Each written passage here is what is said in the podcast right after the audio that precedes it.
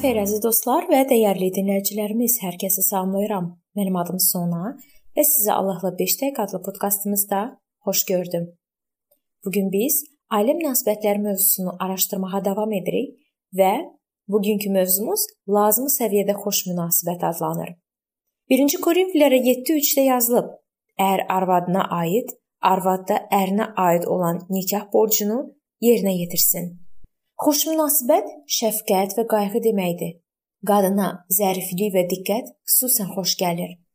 Arvadınızın ailə üzvlərinin geyimi üçün nə qədər qayğı göstərdiyinə diqqət edin. Əgər o yemək masasını gözəl bəzəyirsə, buna görə onu tərifləyin. Əgər o sizin iş masanızda səliqə yaratmağa risk edibsə, nə isə tapmadığınızı deyib şikayətlənməyin. Axı siz itirdiyinizi onsuz da tapa bilməyəcəksiniz. Amma ona minnətdarlıq edib həmin şeyin yerini soruşsanız, sizə onu tapmaqda kömək edər. Arvadı ilə fəxr etməyi öyrənə-öyrənə yetkinləşən və nikahın ilk 15 ilində arvadına daim minnətdar olan kişi bunu ömrünün qalan hissəsində də davam etdirəcək. Amma əgər arvadına qarşı xoş münasibət və iltifat göstərməsə, onların münasibətləri daha da pisləşəcək. Ərlər doğuşdan əvvəl və sonrakı gərgin dövrdə arvadlarına qarşı xüsusi münasibət göstərməlidir. Bu dövrdə qadın daha çox istirahət etməlidir. O öz vaxtını və diqqətini daha çox yeni doğulan körpəyə yönəltməlidir. Amma digər uşaqlara da diqqət tələb olunur. Bəziləri məktəbə gedir, başqaları isə işə. Qrafika uyğun yaşamaq çətindir.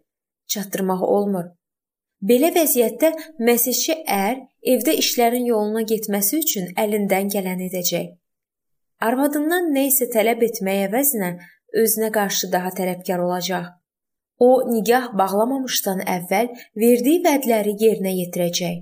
Sağlam və xəstə olduğu dövrlərdə, yaxşı və pis gündə onu sevib dəyərləndirəcək, təmin edəcək və qayğısına qalacaq.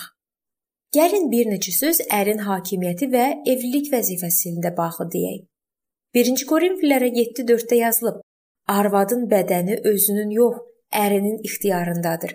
Eləcə də kişinin bədəni özünün yox, arvadının ixtiyarındadır. Allah kişiləri və qadınları qarşılıqlı cazibə hissi ilə yaradıb. Bizi nigaha daxil olmağa həvəsləndirən istəklər mövcuddur.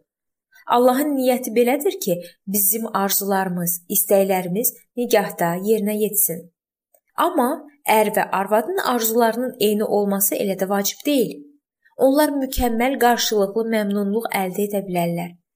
Ərlə arvad arasında olan fiziki, psixoemosional və sair fərqlərə baxmayaraq, onların hər biri özündən imtina həyata keçirməlidir. Bəzi qadınlar fiziki diqqətin göstərilməsinə o qədər ehtiyac duyurlar ki, onların ərlərinin buna gücü çatmır.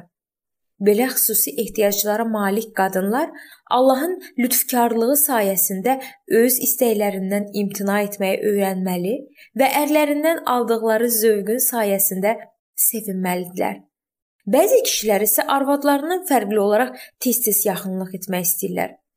Belə ərlər Allahın lütfü ilə özlərindən imtina etməlidirlər və inanmalıdırlar ki, Allah onlara uyğun həyat yoldaşı göndərib. Bu məsələdə ilahi lütf məsihçilərin nikahını Rəbbi dərk etməyənlərin nikahından daha üstün edir.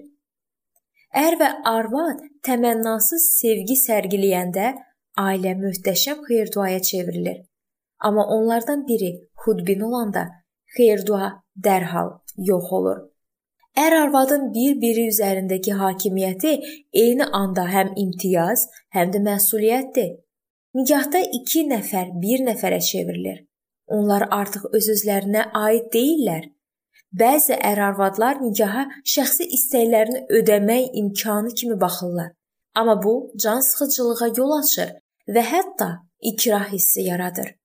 Əslində isə həm ər, həm də arvad bir-birini razı salmaq üçün həm imkana, həm də məsuliyyətə sahibdirlər.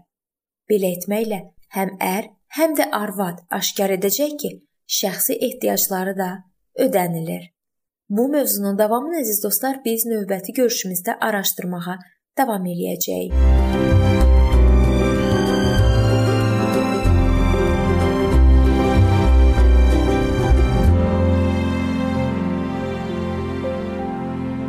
Beləliklə əziz dostlar, bu yerdə bu mövzu sona çatdı.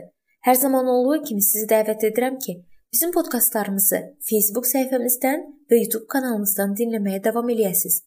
İndi isə mən sizinlə sağollaşıram və növbəti görüşlərdə görmək ümidi ilə sağ olun, salamat qalın.